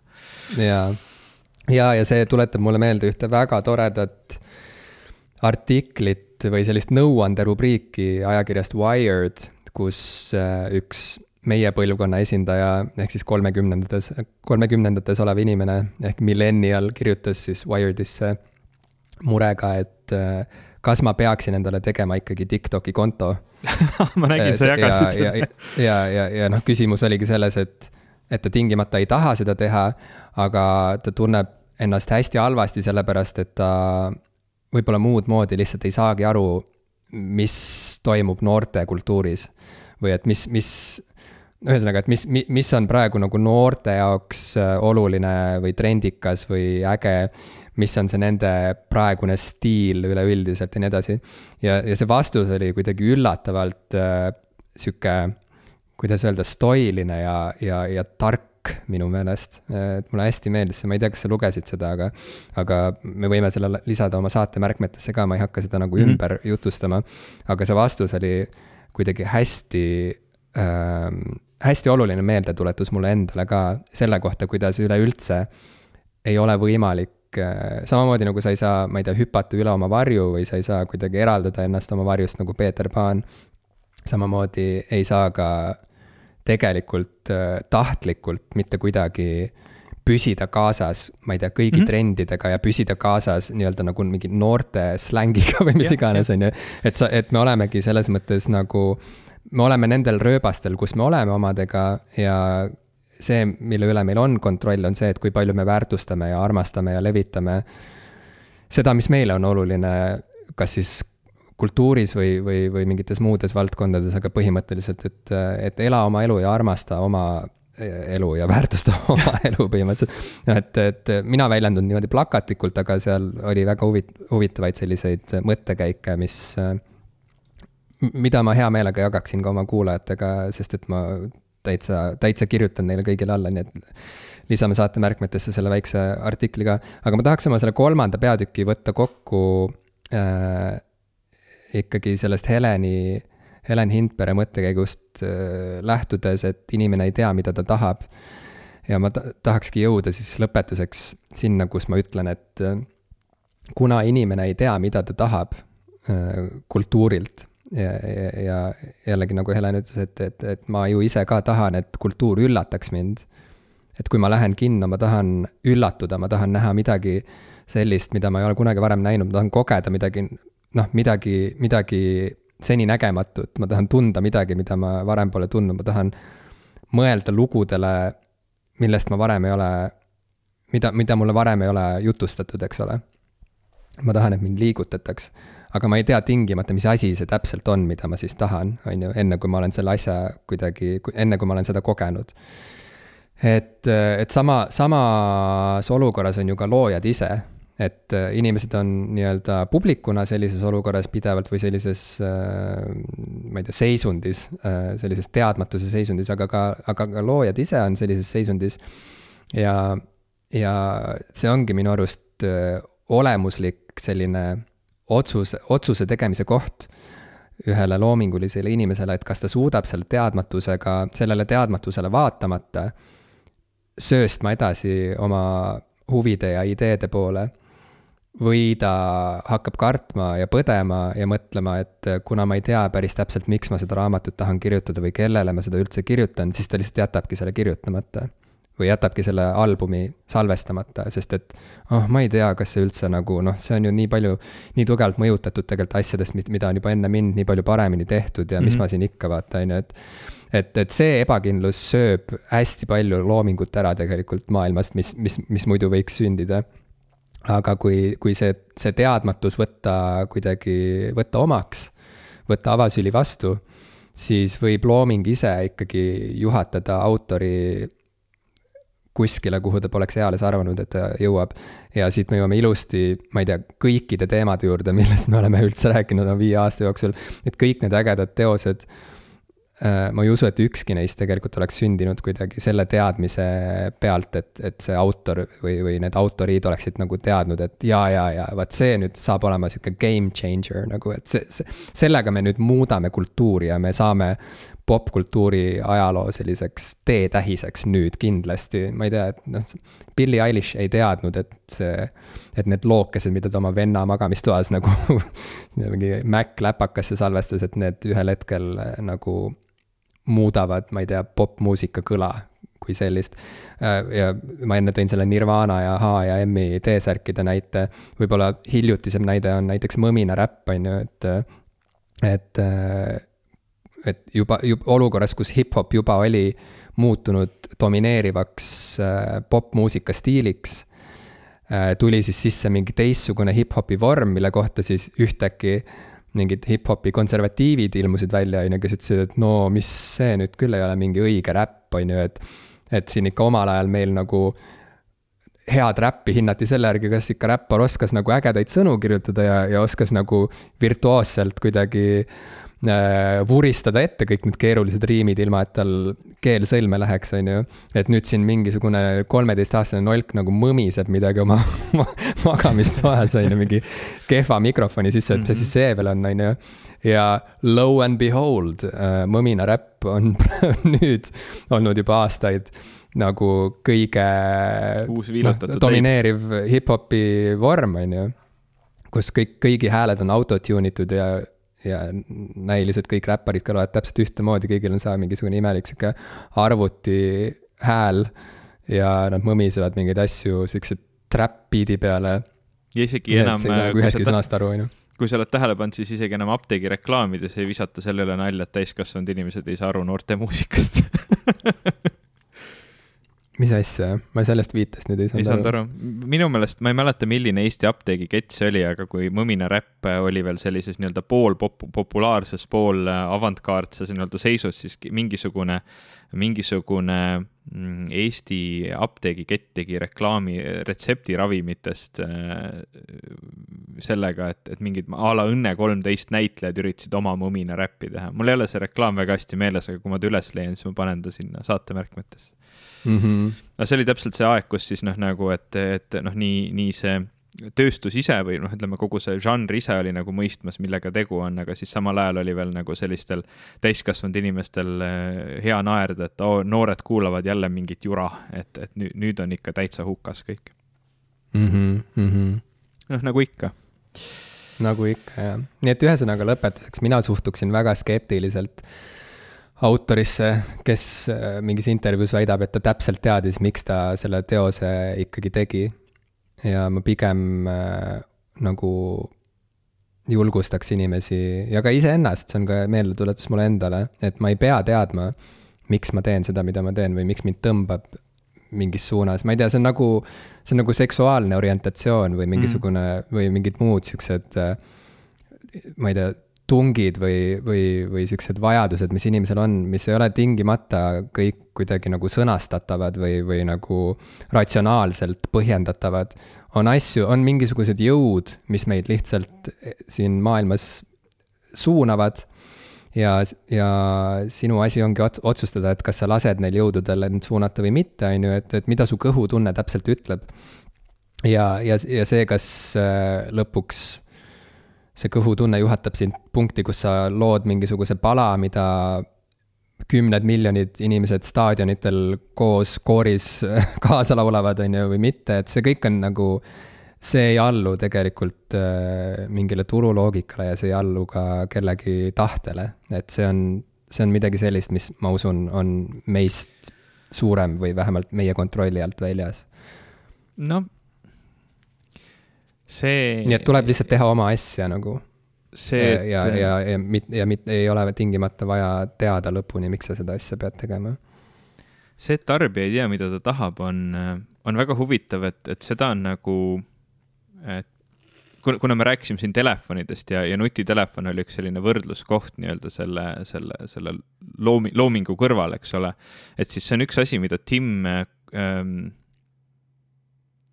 Steve Jobsile, ma nüüd läksin Timmi peale, aga mida ma tegelikult tahan öelda, et see on üks asi, mida Steve Jobsile on, on, on nii-öelda omistatud, et kui Apple täna äh, Tim Cooki juhtimisel on kuidagi selline väga ettevaatlik ja, ja turu-uuringute põhine, noh, nagu sa siin ka Loomingu puhul rääkisid, eks ole, et uurime, mida inimesed tahavad ja siis pakume neile seda, siis, siis Steve Jobs ol, ütles inimestele, mida nad peavad tahtma, eks ole, et tem, tem, see nagu vahe oli selles, et Jobs nagu riskis, tema tunnetas, mida, mida inimesed võivad tahta, lihtsalt nagu andis neile siis seda. Ja see oligi nagu kuidagi selline ühe inimese sihuke loominguline liidri, liidri roll versus siis selline nii-öelda ähm, uuringute ja, ja turuanalüüside kõige põhjal siis toimimine, eks ole.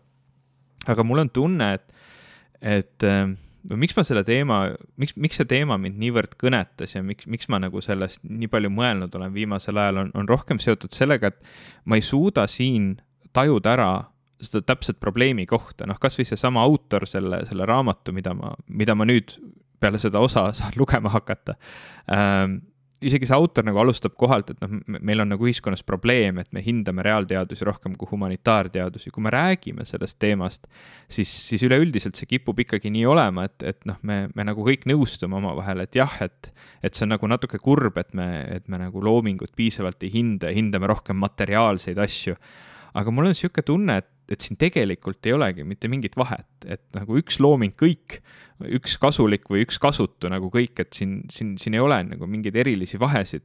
ja, ja täpselt samamoodi nagu on täiesti loomulik ja loogiline luua läbi turu-uuringute, eh, mis maandab su riski võib-olla selles osas, et noh, kui, kui sinu eesmärk on luua midagi, mis võimalikult palju inimesi kõnetab, siis, siis ehk need turu-uuringud aitavad sul natuke riske maandada, aga ei kaota neid kindlasti ära Ehm, ja, ja samamoodi, eks ole, on täiesti relevantne luua ise, ise midagi, ja, ja täiesti lähtuda oma kõhutundest ja, ja töötada täiesti vastu sellele nii-öelda tead-, noh, nii-öelda üld, üldlevinud teadmistele, et need on kõik täiesti valiidsed tegevused, luua telefoni on valiidne, luua, luua luuletust on valiidne ja mõistlik, et, et, et, et, need on kõik nagu väga ühel pulgal täna.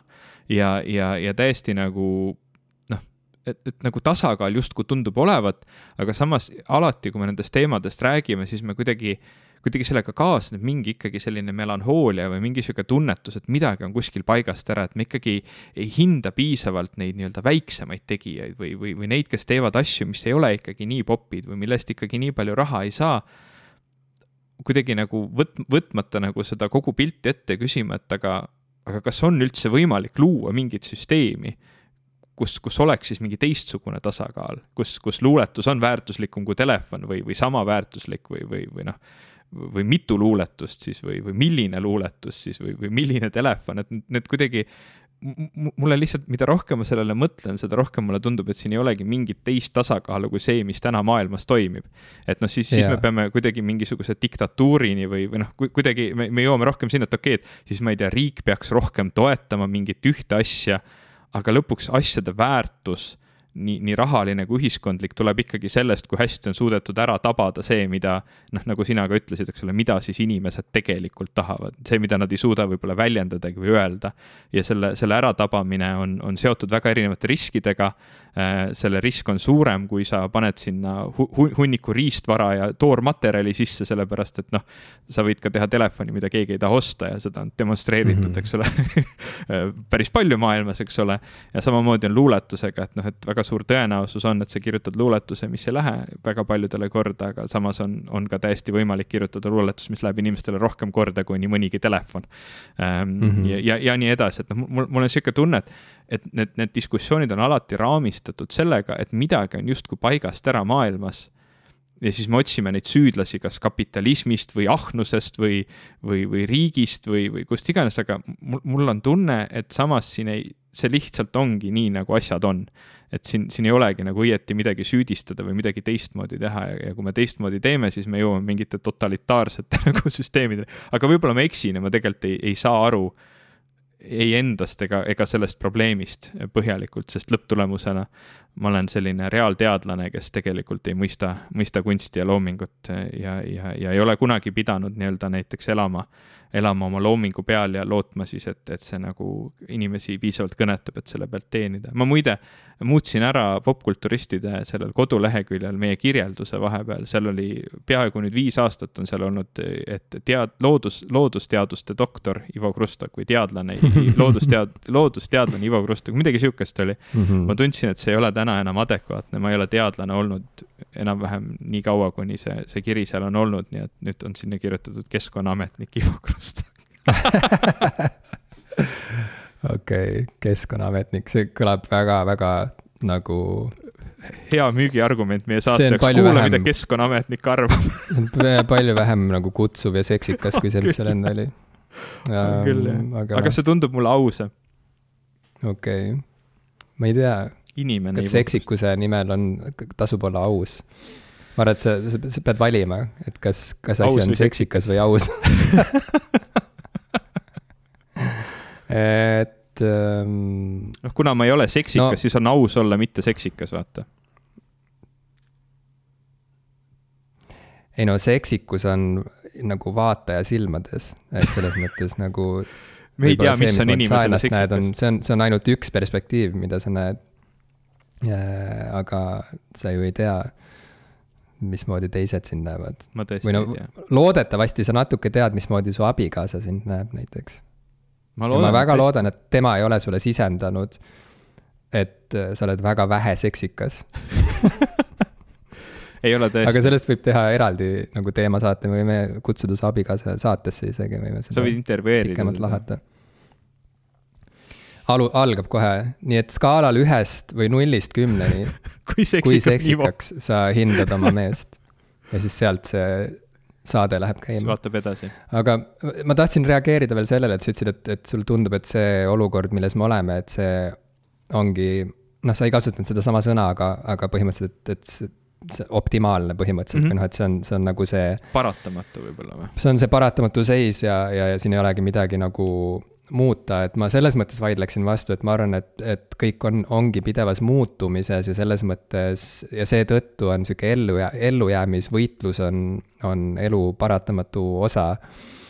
ja, ja sellepärast me loomulikult peame kogu aeg arutama, ma ei tea, erinevaid, et kas, kas mingid rahastusmudelid on on ajale jalgu jäänud või on veel ikkagi adekvaatsed ja toimivad või mitte ja, ja kas meie väärtushinnangud on õiged või mitte, noh.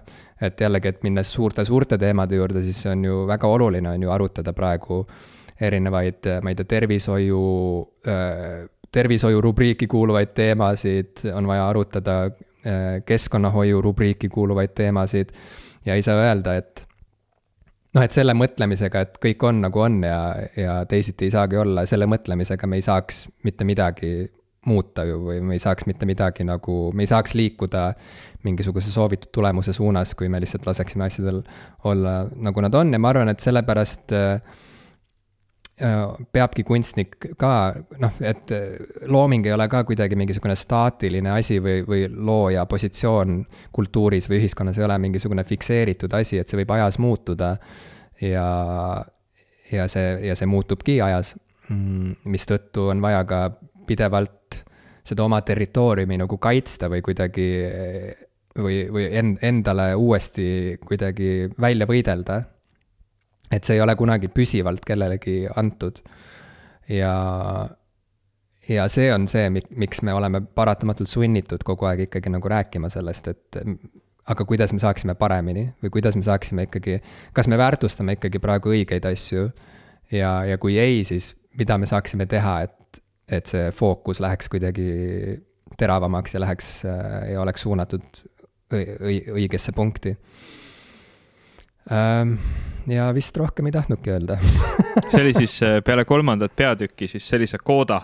Ehk siis see, see tõi meid, tõi meid selle diskussiooni lõppu. mul, mul, ma olen väga tänulik selle, selle kokkuvõtte üle, mis sa just tegid, sellepärast et mul on tunne, et kui, kuigi ma nagu ise ei tahtnud kuidagi mõelda või, või arvata, et, et asjad ei ole muutuses või, või kõik on nii, nagu nad alati on olnud või, või peaks olema, et ma väga nagu hindan seda poolt, et, et asjad peavadki kogu aeg muutuma ja, ja sellest tuleb rääkida siis see pool just, seesama, mida sina välja tõid ja mida ma just ütlesin, et sellest tuleb rääkida, on see, millest ma vist päris täpselt pihta ei saanud ähm, et see, see on see, miks ma kogu aeg nagu rõhutasin seda, et millegipärast sellega käib kaasas alati mingi melanhoolia, justkui asjad oleksid valesti ähm,. sellepärast käibki, jah, nüüd, nüüd ma, nüüd ma saan aru, sellepärast käibki, et, et me peamegi arutama, kas asjad on õigesti.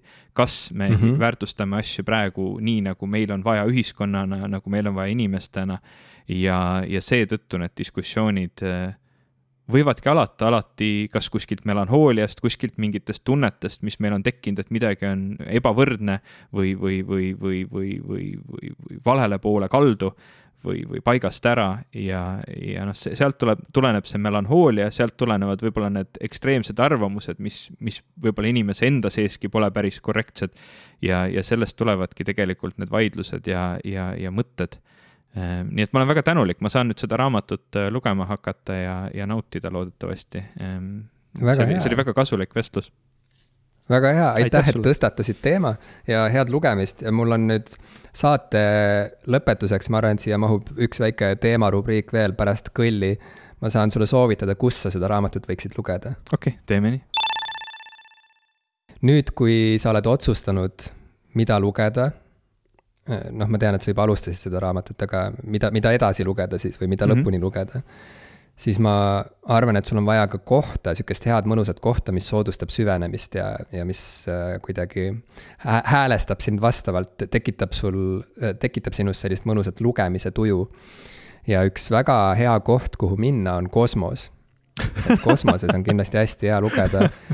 ma ja, nägin hiljuti väikest uudist, et äh, kuna siis rahvusvaheline kosmosejaam Äh, ehk või, või siis ISS, International Space Station, hakkab vaikselt äh, otsi kokku tõmbama, seal niimoodi jupphaaval äh, noh, küll ka uuendatakse seda ja arendatakse, aga, aga ühtlasi ka valmistutakse juba selliseks tulevikuks, kus noh, paljud funktsioneerivad osakonnad seal noh, on, on oma elu ära elanud ja ja võiksid võib-olla hakata teenima mingeid muid eesmärke, et siis nüüd on jõutud punkti, kus äh, selline ettevõte nagu Axiom on äh, võtnud mingi pinna üle seal kosmosejaamas ja ehitanud selle ümber niimoodi, et seal äh, on nüüd väike hotellikene. Okei. Okay.. ja, ja aastal kaks tuhat kakskümmend kaks jaanuaris ehk siis juba, juba järgmise aasta alguses. Äh, selleks, ühesõnaga jaanuariks on planeeritud juba esimene lend sinna, mille, mille käigus siis läheb, ma saan aru, et neli, neli, neli inimest vist lähevad sinna äh, mitte ainult chill ima, vaid ka ah, kolm, kolm, kolm väga rikast meest okay. lähevad sinna chill ima ja mitte ainult chill ima, vaid ka tegelikult natuke tööd tegema, et praegu on ikkagi see plaan selline, et seal äh, lisaks puhkamisele ja ägedate Instagrami piltide tegemisele äh, rakendatakse neid turiste ka sellist, sellises äh, nagu teadustöös natukene, et nad nagu aitavad läbi viia võib-olla mingisuguseid siukseid uuringuid või, või, või, või katseid, mi-, mida saaks väga hästi just nende abiga seal teha. ja äh, väga lahe kirjeldus sellest, kuidas seal on sihuke mõnus äh, suur tuba äh,, kus on nagu kolmesaja kuuekümne kraadi äh,, kraadine selline vaade põhimõtteliselt kosmosele. ehk siis seal on palju aknaid ja, ja, ja on väga mõnus seal imetleda tähti ja, ja, ja meie armsat maakera. ja pilet sinna kosmosehotelli maksab nelikümmend miljonit naela. oota, sa tahad mulle öelda ja ma olen tõesti, tõesti üllatunud, et ma ei ole nagu, ma ei ole, ma ei ole neid, need uudised ei ole mulle silma jäänud, sa tahad mulle öelda, et need inimesed, kes juba järgmise aasta alguses lähevad rahvusvahelise kosmosejaama pardale, ei ole ei astronaudid, ei kosmonaudid ega isegi mitte taikonaudid, et need, need, nad on lihtsalt rikkad inimesed, nendel Need puudub varasem, inimesed, kes tea, on treening ja. ostnud pileti ja, ja selle pileti eest nad läbisid ka pika ja põhjaliku sellise koolitusprogrammi mhm. loomulikult mm. -hmm. aga jah, nad valmistuvad nüüd jaanuaris kosmosehotelli minekuks ja, ja pla-, praeguse plaani järgi veedavad seal pardal siis kaheksa päeva. ma olen teatud mõttes sõnatu, see, see tundub mulle, see tundub mulle midagi, millest on räägitud ju aastakümneid, tegelikult juba, ma ei tea, viiekümnendatel ja, ja, ja, ja, ja umbes sellisel ajal, kui need esimesed siuksed meie kosmoseaventüürid nagu olid käimas ja, ja, ja inimene hakkas kosmose poole vaatama kui mingisugusele praktilisele suunale, kuhu, kuhu minna ja, ja, ja millega nagu äh, noh, noh, et kui, kui meil tekkisid üldse võimalused nagu siit planeedi, planeedilt lahkuda, siis, siis kohe ju hakati rääkima, et üks päev sa saad minna, ma ei tea, kuu, kuureisile ja, ja tuurile ja seal, ma ei tea, isegi võib-olla ööbida. seda, et, et mingisuguses nii-öelda mm, orbiidil olevas kosmosejaamas nagu ööbida, seda on ka juba ju palju-palju räägitud ja rääkimata siis sellest, et lihtsalt sa võiksid tõusta mingisuguse äh, raketiga korraks äh, nii-öelda kosmosesse ja tagasi alla kukkuda, et kõik need variandid on ju, ju turismi mõttes väga palju räägitud, aga aga see, et see juba kaks tuhat kakskümmend kaks aasta alguses võiks toimuda, see ja, ja, ja sellises mõttes, et see ei olegi mitte lihtsalt see, et lähed korra üles ja tuled alla tagasi, vaid sa ikkagi lähed nagu reaalselt hotelli see tundub mulle täiesti, täiesti uskumatu, see tundub mulle nii äge mm. -hmm. ma ei läheks sinna ise yeah. muidugi lugema, aga, aga, aga, aga super äge. ja, ja absoluutselt.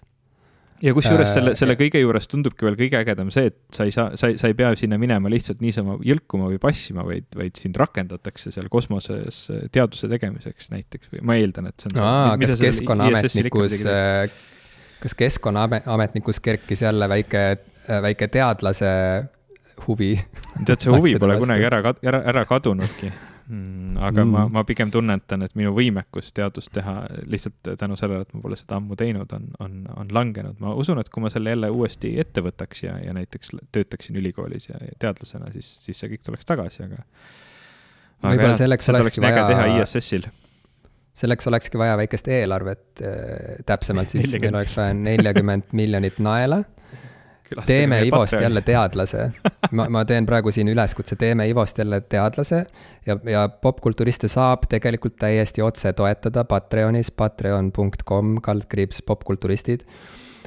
lisaks sellele, et äh, Patreoni lehel saab kuulata ka meie lisasaateid Nüüd, kui pinge on maas, kus me räägime äh, asjadest, millest ei tahaks laiale ringile tingimata rääkida ja tunneme ennast seejuures äh, väga halvasti niikuinii, et kui, kui sul on huvi sedasorti äh, podcast'i vastu, siis seda sealt saab ja lisaks äh, toetad siis õilsat eesmärki teha Ivost jälle teadlane, nii et kui me saame kokku näiteks no ütleme kolmkümmend üheksa tuhat üheksasada seitsekümmend inimest, kes kõik toetaksid meid ühe euroga, siis me peaaegu juba saaksime kokku, ei, täiesti vale matemaatika ma ma tahtsin öelda, et kolmkümmend üheksa miljonit üheksasada üheksakümmend üheksa tuhat üheksasada seitsekümmend inimest, kes äh, toetaksid me, meid äh, kas või ühe euroga, siis me saaksime juba väga lähedale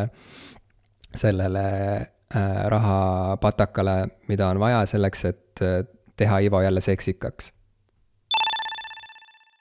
kui nüüd eh, hiljuti sai siia popkulturistide juurde loodud veel selline nii-öelda ähm, soovitused Eesti erinevatest sotsiaalmeedia platvormidest, ma, ma, ma ei teagi täpselt, kuidas seda enam nüüd nimetada, aga, aga sai loodud uus sektsioon.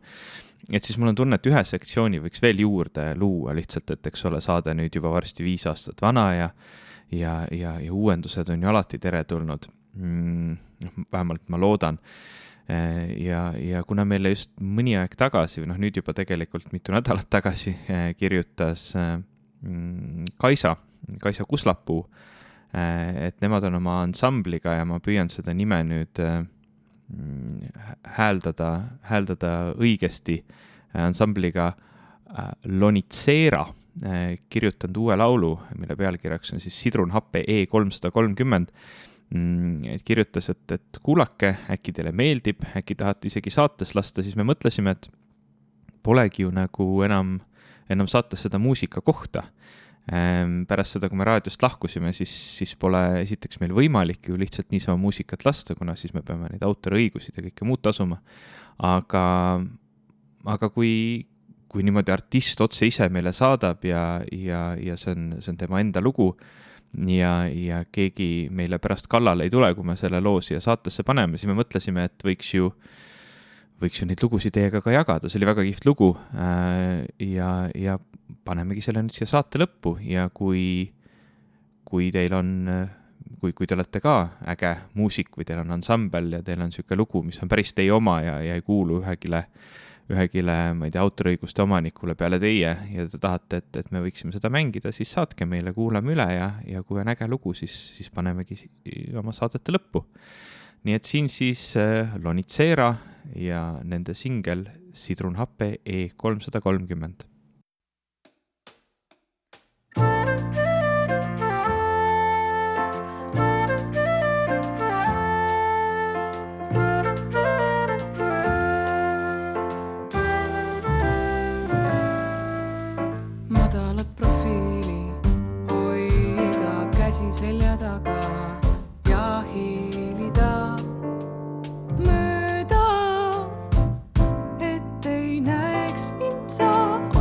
eksiili, mu kodus mineviku varjud või tont teab, kes nõnda kindlalt meenutab.